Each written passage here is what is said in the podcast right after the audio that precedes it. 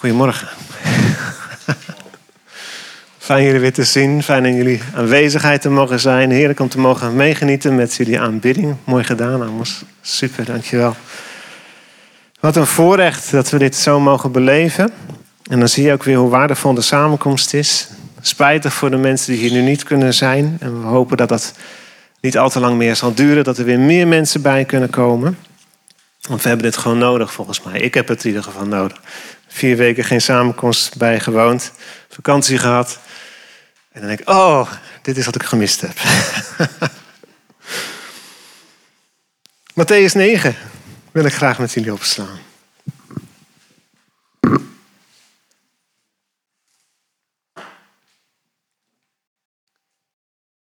Dan lezen we Matthäus 9, vers 9 tot en met 13. En ik heb hem uit de NBV 21. Toen Jezus daar verder ging, zag hij bij het tolhuis een man zitten die Matthäus heette. En hij zei tegen hem: Volg mij. Hij stond op en volgde hem. Toen hij in zijn huis aanlag voor de maaltijd, kwam er ook een groot aantal tollenaars en zondaars, die samen met hem en zijn leerlingen aan de maaltijd deelnamen. De fariseeën zagen dit en zeiden tegen zijn leerlingen: Waarom eet uw meester met tollenaars en zondaars? Hij hoorde dit en gaf als antwoord: Gezonde mensen hebben geen dokter nodig, maar zieken wel. Overdenk eens goed wat dit wil zeggen. Barmhartigheid wil ik, geen offers. Ik ben niet gekomen om rechtvaardigen te roepen, maar zondaars. Tot zover.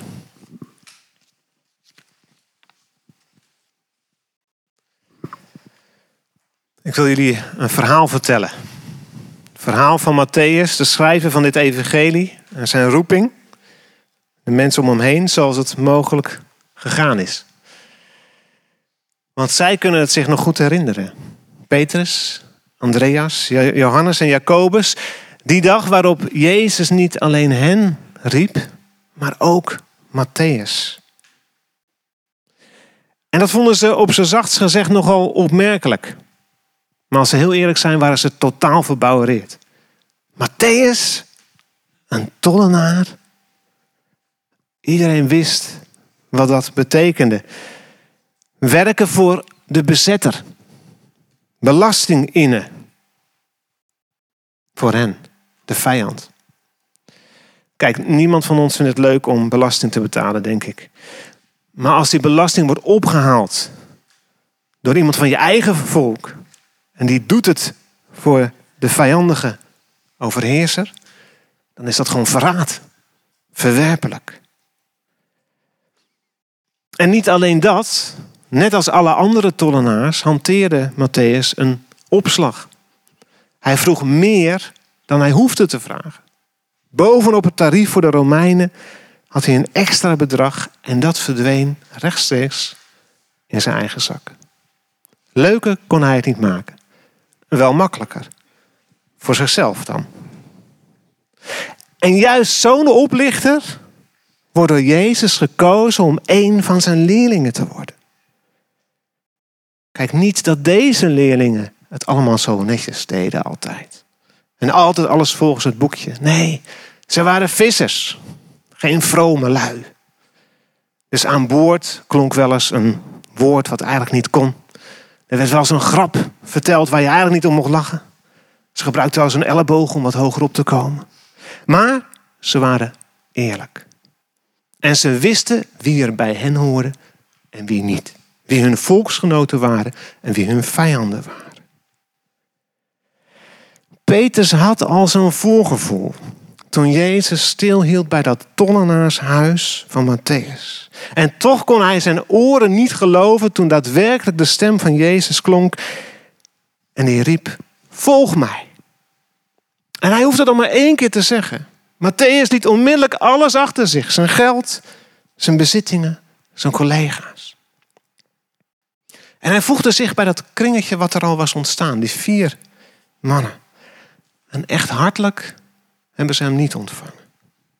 En tot overmaat van ramp lieten die andere tollenaars Matthäus niet zomaar gaan. Zij stonden erop dat er een uitgebreid afscheidsdiner werd gehouden. En Jezus en zijn eerste leerlingen werden daarvoor van harte uitgenodigd. Kan je je voorstellen? Gezellig gaan dineren in een rovershol? En Jezus nam die uitnodiging nog aan ook. En hij wilde per se dat zijn leerlingen met hem mee zouden gaan. Daar hadden ze eigenlijk helemaal geen trek in. Dus ze bleven maar een beetje op veilige afstand. Meer dan anderhalve meter afstand. Ik stel me zo voor dat ze niet naar binnen zijn gegaan in het huis, maar dat ze een beetje in de tuin zijn blijven hangen. Vlakbij het tuinhekje, zodat ze elk moment ongezien weer konden verdwijnen. En Jezus waren ze al lang kwijt. Die was wel naar binnen gegaan. Wat bezielde hem om dat te doen? Om aan tafel te gaan met openlijke zondaars en tollenaars. En dat was niet alleen Matthäus, maar hij had zijn hele netwerk uitgenodigd. En dat waren allemaal van die loesje types. Collega-criminelen. Oplichters. Een aantal vrouwen met een bedenkelijke reputatie die Peter zelfs op bepaalde hoeken van de straat was tegengekomen. Ze wilden zich opgelaten. Ze zaten ermee in hun maag. Ze konden eigenlijk een hap door de keel krijgen. Ze probeerden zich af te sluiten voor de verhalen over zakelijke successen. Waarmee opgeschept werd. Voor de openlijke avances van die bewuste vrouwen. Ze probeerden oogcontact te vermijden. En ze waren er ook niet helemaal over uit of het nou wel kon wat Jezus deed. Ze waren daarover nog volop met elkaar in discussie.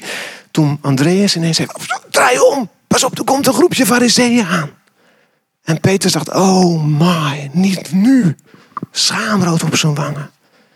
Het was al te laat. Die fariseeën hadden hen al lang al herkend als leerlingen van Jezus.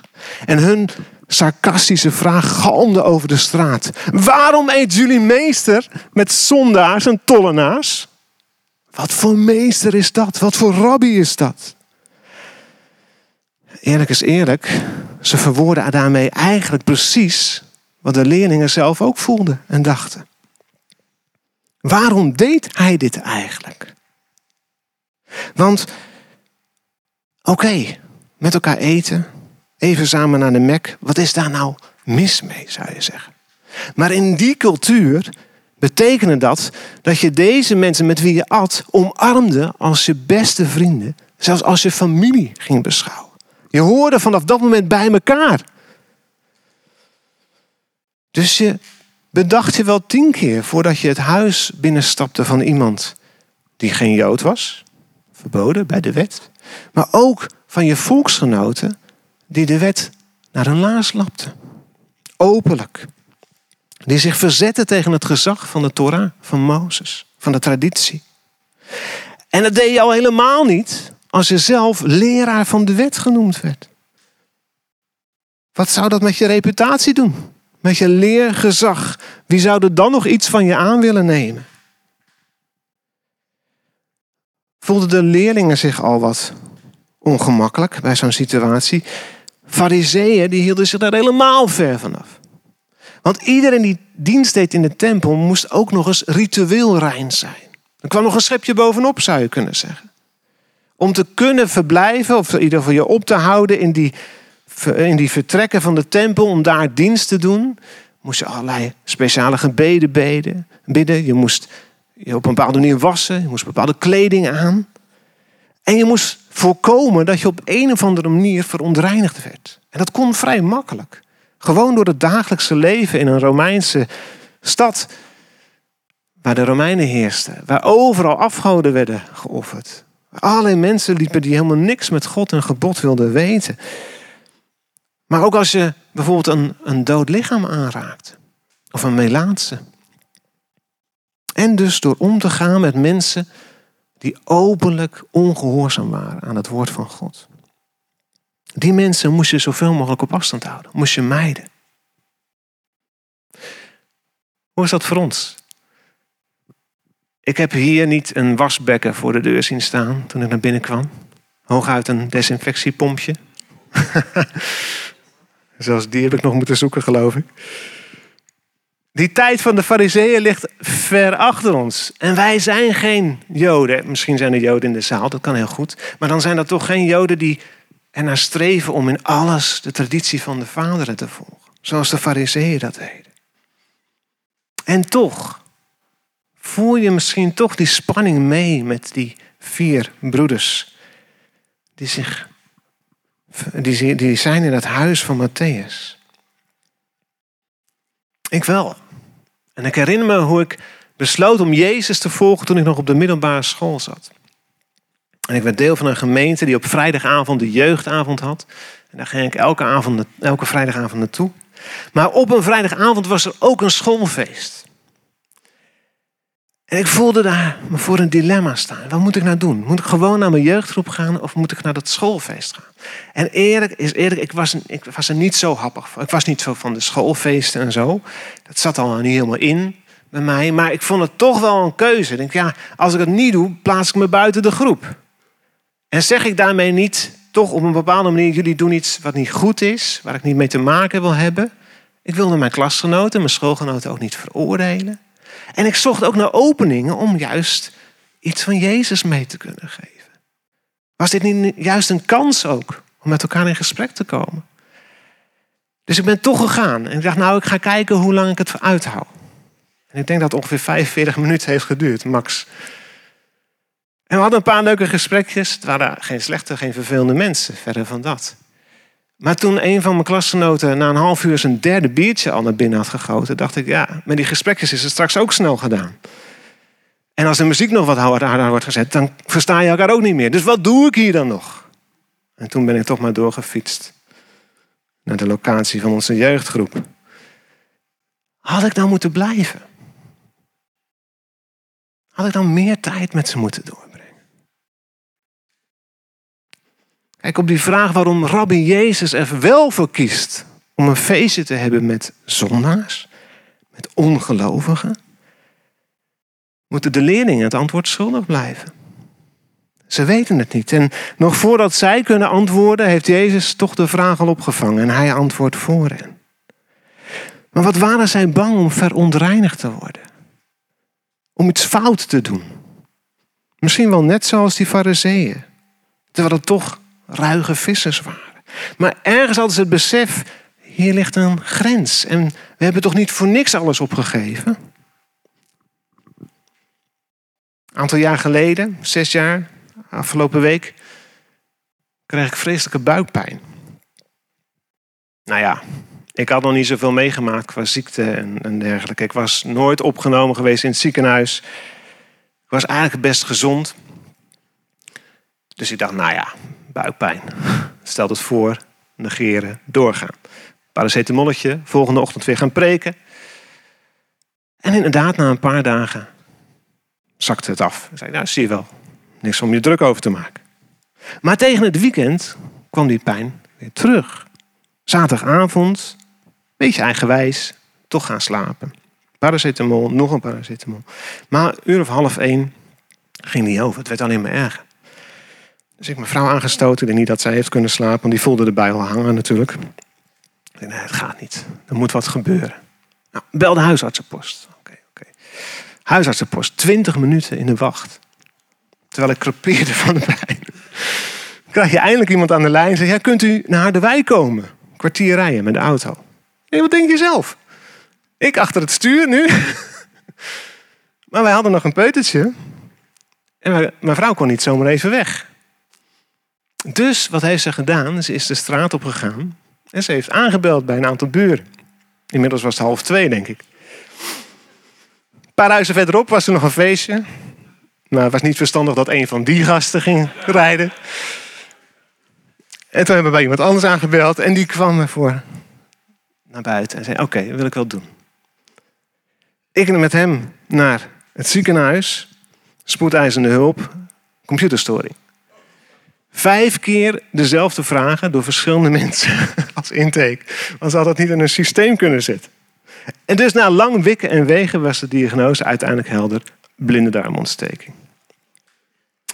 Hoop morfine en de volgende ochtend onder het mes. En een paar dagen later, nog twee nachtjes blijven, was ik weer thuis. Maar wat ben je dan dankbaar voor een buurman die midden in de nacht bereid is om je naar het ziekenhuis te brengen? Wat was ik dankbaar voor al die verpleegkundigen, verzorgende, artsen, die bekwaam waren om mij te helpen en van die blinde darmontsteking af te helpen. Gezonde mensen hebben geen dokter nodig. Als je gezond bent, dan sta je daar niet bij stil. Dan denk je, ik red mezelf wel. Ik heb niemand nodig. En je, eigenlijk realiseer je ook niet de waarde van het werk wat die mensen doen. Maar op het moment dat je er zelf een beroep op moet doen, dan praat je wel anders. En dan denk je oh, ik kan het niet zelf. Er zijn anderen nodig die mij moeten helpen. En ik denk dat het geestelijk net zo is. Wij denken dat het wel goed zit met ons. Dat we gezond zijn. Dat we geen redder nodig hebben. Wij redden onszelf toch wel. We doen geen vlieg kwaad toch. Ja, wij zijn niet de mensen die iemand beroven, verkrachten, vermoorden, neem ik aan. Ik heb persoonlijk nog nooit in de gevangenis gezeten. Misschien van, van jullie wel iemand, maar ik denk de meeste niet. Dus heel snel kan je dan denken van ja, de mensen die dat soort dingen doen, dat zijn de zondaars. Die hebben een redder nodig. Die moeten zich bekeren en een ander leven gaan leiden. Maar ik, ach, het valt allemaal wel mee. En ik denk dat de vier leerlingen van Matthäus precies zo dachten. Oké, we zijn niet helemaal volmaakt.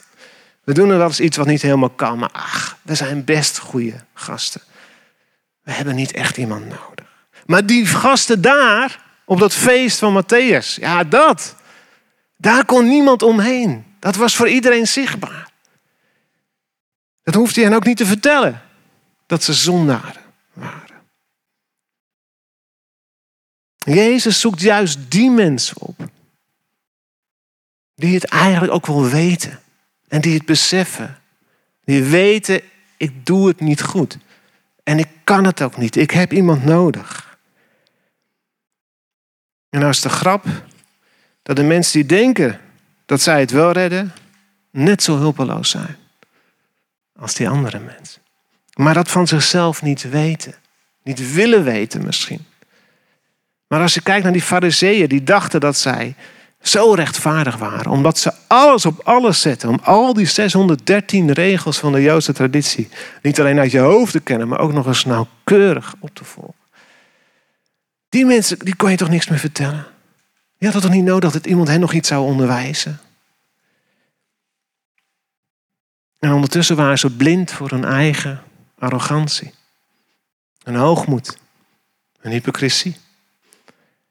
Zij hadden net zo goed een redder nodig als de tollenaars en de zondaars. Daarom maakt Jezus geen onderscheid. Hij is, oh, hij is bij uitstek, wat wij nu zouden zeggen, inclusief. Want hij roept zowel zondaars als fariseeën. Zoals vissers als tollenaars. Maar wat hebben die vier vissers er moeilijk mee dat ook een, een openlijke zondaar als Matthäus deel mag worden van hun kring van leerlingen? En ze begrijpen wel dat Jezus gekomen is om zondaars te redden, als dokter voor de zieken. Maar moet hij dan ook zo nodig hun vriend worden? Zij kennen hun Bijbel. Zij weten dat het vaak niet wijs is om om te gaan met mensen die openlijk in ongehoorzaamheid leven. Want waar je mee omgaat, word je mee besmet. Neem nou Psalm 1. Gelukkig de mens die niet meegaat met wie kwaad doen. Die de weg van zondaars niet betreedt. Bij spotters niet aan tafel zit. Maar vreugde vindt in de wet van de Heer. En zich verdiept in zijn wet dag en nacht. Oh, dat is eigenlijk wat God wil. En als je je dag en nacht verdiept in de wet van God, in het woord van God, dan kom je aan feestjes niet eens toe. Dus daarom vragen die vissers zich af waar Jezus nou precies mee bezig is. Waarom moet u nou zo nodig vertrouwelijk omgaan met zondaars? Waarom zit u met spotters aan tafel, meester? Waarom accepteert u een tollenaar als een van uw volgelingen, Jezus? Dat past toch niet? Dat strookt toch niet met waar wij voor staan? Met wie wij zijn als vrome Joden. Ik ben niet gekomen om rechtvaardigen te roepen, maar zondaars, zegt Jezus. Opnieuw, opnieuw benadrukt hij dat hij alleen die mensen kan helpen die geholpen willen worden. Die beseffen dat ze hulp nodig hebben. Als je jezelf als rechtvaardig ziet, dan heb je aan de woorden van Jezus geen boodschap. Want hij roept niet alleen om te volgen, maar ook om een nieuw leven te beginnen. Zijn roepen is niet vrijblijvend. Bij Lucas lees je dat nog wat duidelijker dan bij Matthäus. Ik ben niet gekomen om rechtvaardigen te roepen, maar om zondaars aan te sporen een nieuw leven te beginnen. Het is geen gezelligheidsclubje, geen klaverjasvereniging waar ze lid van worden. Of een voetbalclub. Nee, ze worden wel degelijk apart gezet. En er wordt iets van hen gevraagd. Jezus weet heel goed waar hij op uit is. Iedereen is welkom om te komen, zoals hij is. Maar als je werkelijk achter Jezus aangaat, zul je nooit meer dezelfde zijn. Dan zul je niet blijven zoals je bent.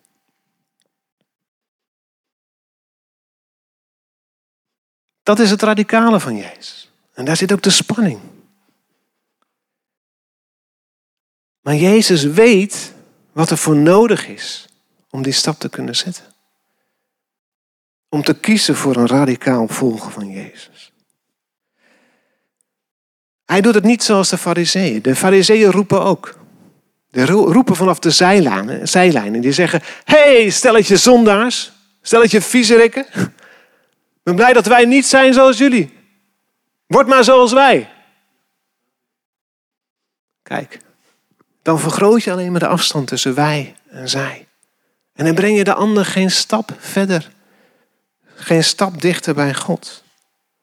Dat zijn roeptoeters die niet bijdragen aan het heil van mensen, aan de redding van mensen. Jezus doet het anders. Jezus zegt, ik ben niet gekomen om mensen te veroordelen, maar om mensen te redden. En juist daarom ga ik naast ze staan. Ik kom langs zij. Ik ga jou eerst liefhebben en aanvaarden en omarmen. Want ik weet dat die liefde van God onweerstaanbaar is. En als dat je hart heeft geraakt, dan gaat alles anders worden. Zoals Paulus zegt in Romeinen 2, vers 4. Veracht u dan Gods onbegrensde goedheid, zijn geduld en zijn verdraagzaamheid. En weet u niet dat zijn goedheid u tot inkeer wil brengen. Het is al een heel tijdje geleden dat ik werkte voor een bedrijf waar heel veel studenten hun bijbaantje vonden. En studenten houden van feestjes, toch? De meeste studenten wel. Dus waren er regelmatig feestjes. En zelfs één keer met een overnachting in een soort jeugdherberg. Hier ging het, nog, ging het er nog iets ruiger aan toe dan toen op de middelbare school. En ik ben er naartoe gegaan. En ik herinner me op de heenweg, ik reed mee met iemand, een gesprekje erover. En zei, ja, hij wist dat ik christen was. Ik wist dat hij dat niet was. Hij zei, nou, hoe vind je dat nou, om dit met ons te gaan doen? Zei, nou, leuk. leuk om jullie te leren kennen en plezier te maken. Ja, hij maar er zal wel een grens zijn voor jou. Ja, de grens ligt maar voor mij dat we niet dronken moeten worden. Ik vind het wel fijn om gewoon nog te weten met wie ik te doen heb. En een normaal gesprek te kunnen houden. Oh, dus jullie sluiten, jij sluit ons eigenlijk uit. Het is best wel vervelend om iemand in ons midden te hebben die zo kritisch staat ten opzichte van wat wij doen. Daar voel ik me toch niet helemaal eh, gemakkelijk bij. Zo begon het zo'n beetje. Na dat nachtje slapen heb ik maar niet gedaan.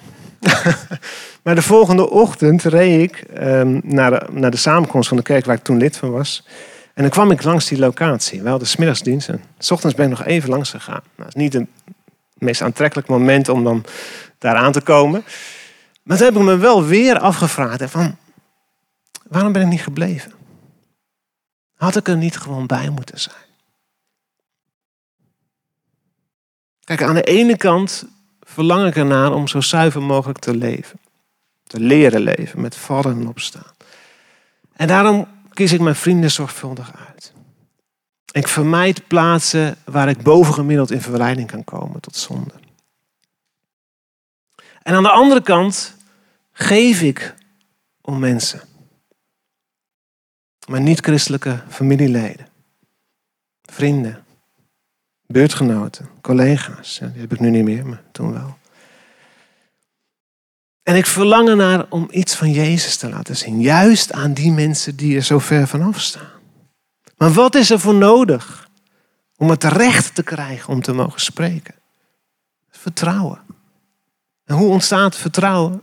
Door relatie te hebben. En hoe heb je relatie door met elkaar om te gaan op de momenten dat daar die kans is? Ik kan niet van hen vragen of ze hier naartoe willen komen. Die stap is veel te groot, maar ik kan wel naar hen toe gaan. Dus moet ik gaan naar de plekken waar zij zijn, waar zij het leven vieren. verjaardagen, allerlei partijen, bedrijfsfeestjes. Mensen in het zakenleven weten hoe lastig dat kan zijn. Als je in een hotel verkeert en de bar gaat open tot diep in de nacht.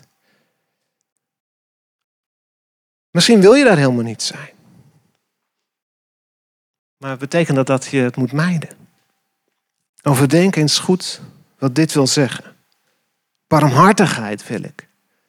Geen offers, zegt Jezus. Kijk, die offers, dat staat voor die rituele reinheid waar ik het net over had. Voor die tempeldienst. En dat zijn niet zelfbedachte kerkelijke regeltjes waarvan je zegt dat doet er niet toe. Dit is de wet van God. Voorschrift van de Allerhoogste God. Die zegt, als je me wilt dienen, moet je het zo doen. Voor de Joden.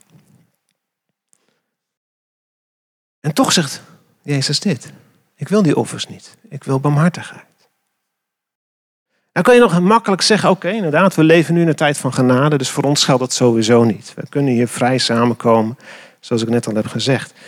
Maar betekent dat dan dat er voor ons geen regels zijn voor een zuiver leven? Dat Jezus op geen enkele manier een beperking oplegt? Nee. Het Nieuwe Testament is er vol van. Lees gewoon maar de Bijbel. Noem er een paar. Niet roddelen. Niet vloeken. Niet dronken worden. Niet hebzuchtig zijn. Altijd maar meer en meer en meer willen. Geen seks buiten het huwelijk tussen man en vrouw. Dat soort dingen. Het staat er wel als voorschrift. Niet als een vrijblijvend advies of een dringend advies.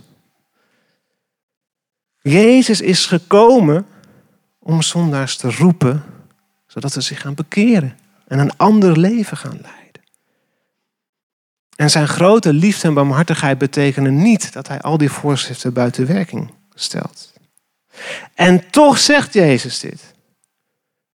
Overdenk eens wat het wil zeggen. Barmhartigheid wil ik, geen offers.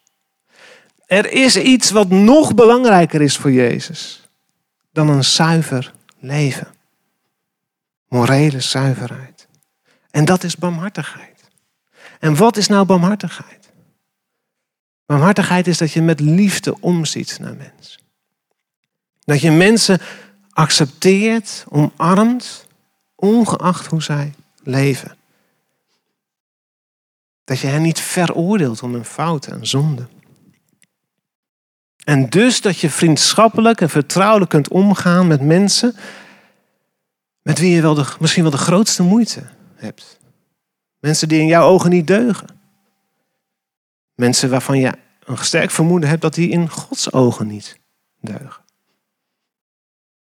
En waarbij je toch zegt, ik wil jouw vriend zijn. Ik wil je kennen. Ik wil je ontmoeten. Ik wil met je in gesprek zijn. Jezus was daar niet bang voor. Hij was zonder zonde. Hoe eenvoudig kon hij zich laten verontreinigen in een wereld vol zonde? En toch was hij er niet bang voor om om te gaan met slechte mensen. Hij was als rabbi niet bang om verontreinigd te worden. En je ziet hiervoor en hierna dat hij dat om de havenklap opzoekt, die moment. Hij raakt Melaatse aan. dode mensen, zieke mensen. En hij eet met zondaars en tollenaars. Allemaal dingen die je niet zou moeten doen als Joodse rabbi. En het verschil is dat hij daar niet door onrein wordt. Maar juist dat die mensen rein worden door zijn aanraking. Hij keert de bol om. Hij zegt, ik ben niet bang voor jullie. Ik kom om jullie te reinigen. Om jullie erbij te halen, om jullie te heiligen. Jezus is een echte Joodse rabbi. En dat blijkt ook uit zijn vraag. Als antwoord op de vraag van de fariseeër. Waarom eet jullie meester met zondaars en tollenaars? En hij stelt een vraag terug. Overdenk eens goed wat dit wil zeggen, fariseeën. Barmhartigheid wil ik. En geen offers. Wat nu als Jezus die vraag ook aan ons zou willen stellen vanochtend? Om daar eens goed over na te denken. Om daar eens over te bidden. Om tot je door te laten dringen wat dat betekent voor jou. Voor ons in deze tijd. Herken je het verlangen naar een zuiver leven? Of heb je dat al opgegeven? Herken je de roep van Jezus tot een radicale navolging? Wat ook betekent dat je afstand doet van bepaalde manieren van denken en doen die niet kloppen volgens het woord van God. Maar herken je ook de bewogenheid? Het verlangen om mensen te bereiken met het evangelie, om mensen niet buiten te sluiten, om mensen niet te veroordelen. Herken je het spanningsveld tussen die twee? En zoek je misschien ook naar een manier waarop je dat toch kunt combineren. Wat betekent het dan voor jou dat de barmhartigheid voor Jezus zwaarder weegt dan jouw roeping tot een heilig leven? Want dat is wat hij zegt. Welke vooroordelen herken je bij jezelf? Ten aanzien van andere mensen die anders leven, anders denken anders spreken. Die niet tot jouw soort mensen behoren. En het kan zijn dat het mensen zijn met wie je het gewoon niet eens bent, of die je gewoon niet goed kent, of nou, die lijken niet zo op me. Nou ja, die zoek ik niet op. Dan zou je elkaar eerst moeten leren kennen. Is er zoveel verschil? Is er geen raakvlak? Maar het kan natuurlijk ook gaan om mensen waarvan je gewoon weet, ja, die leven op een manier waar ik gewoon echt niet achter kan staan. Dan wordt het denk ik nog moeilijker. Wat doe je daarmee? Je ze als corona, als de pest? Of zoek je de verbinding? Zoek je een relatie? Ben je bang om verontreinigd te worden en blijf je daarom op je eigen eiland? En veroordeel je alles wat daar buiten valt? Of heb je een verlangen om anderen met de reinheid van Jezus in aanraking te brengen? En ben je bereid om risico's te nemen daarvoor? Hoe kunnen wij blijven groeien in een zuiver leven? Navolging van Jezus. Dat niet opgeven. En tegelijkertijd heel liefdevol, genadig en barmhartig zijn voor iedereen. Dat is de vraag die ik graag ter overweging aan je voorleg. En we daar ook gewoon een moment voor bidden.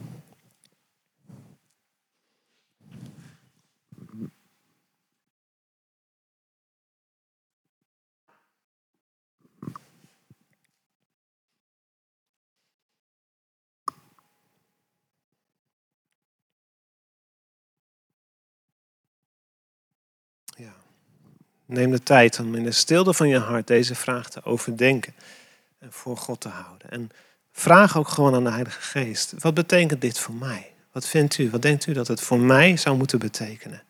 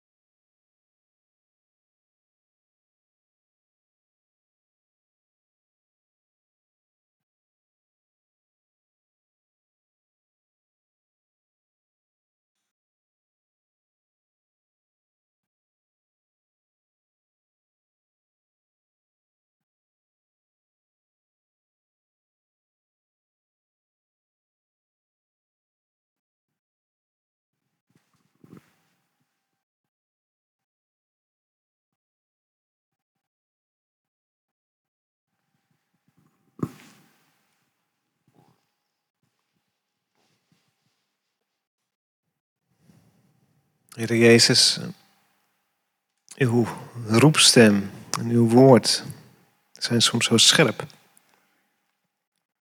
En dat doet soms pijn, Heer. Als we in de spiegel van uw woord kijken en zien dat we zelf nog tekortschieten. Dat we tekortschieten in een verlangen naar een heilig leven. Omdat we eigenlijk denken van ja, dat lukt toch niet. Waarom zou je dan nog willen in deze tijd? Of we denken ja, er is toch genade. Vraag wel weer om vergeving. Terwijl we eigenlijk weten dat dat niet zo is, Heer. Dat, dat, dat u ons echt roept om gelijkvormig te worden aan het beeld van u, Jezus. En u duldt geen zonde, Heer. U maakt geen compromissen met de wereld. Heer, vergeef ons waar we tekortschieten in heiliging. Moreel gebied. Onze gedachten, onze woorden, onze daden, die niet overeenstemmen met wat u van ons verwacht en wat u ons, van ons mag verwachten als kinderen van een levende God. Vergeef ons dat we het soms ook niet zo nauw nemen. Dat we gevoeliger zijn voor wat de wereld vindt dan wat uw woord zegt vaak. En wek in ons een verlangen, Heer, om radicaal te zijn. Om wel te jagen naar de heiliging. Zonder welke niemand de Heer zal zien. Heer, en aan de andere kant schieten we ook tekort, schiet ik ook tekort in barmhartigheid, genade, liefde. Het verlangen om de ander te zien zoals u die ander ziet. Om niet uit angst te leven, maar uit liefde. Het verlangen om ook daarin te lijken op Jezus. Vader, dat mensen zich prettig voelen in onze aanwezigheid. Op hun gemak, niet bedreigd of veroordeeld. Ook al verschillen we misschien wel als water en vuur. Heer, wat is daarvoor nodig? Om ook daarin te zijn zoals Jezus. Wat moeten we opgeven, Heer? Aan vooroordelen, aan arrogantie en hypocrisie. Vergeef het ons, Heer. Dat we vaak kiezen voor de weg van de minste weerstand. En alleen maar omgaan met mensen die toch ongeveer zijn zoals wij. Terwijl we weten dat een wereld verloren gaat. En dat u wel bereid bent om die mensen op te zoeken. Die op het oog niks met u hebben. Kom Heer, wilt u meer van uw barmhartigheid geven in ons. Wat we nodig hebben is de volheid van de Heilige Geest. Zijn vrucht en zijn gave. Om boven onszelf uit te stijgen, Heer. Ik bid om meer liefde. Meer bewogenheid. Meer geduld. Meer verdraagzaamheid. Meer zachtmoedigheid. Meer goedheid. Meer trouw. Meer vredelievendheid. Vader, wilt u ons daar rijkelijk mee bedelen. Bekrachtig ons, om te gaan in de voetsporen van Jezus. In de kracht van de Heilige Geest. Dank u wel dat er veel vergeving is bij u. Dat u ons hebt vergeven en de prijs hebt betaald. En leer ons te leven in vergeving ook voor anderen. Met heel veel genade en heel veel liefde. Dat bidden we in Jezus' naam.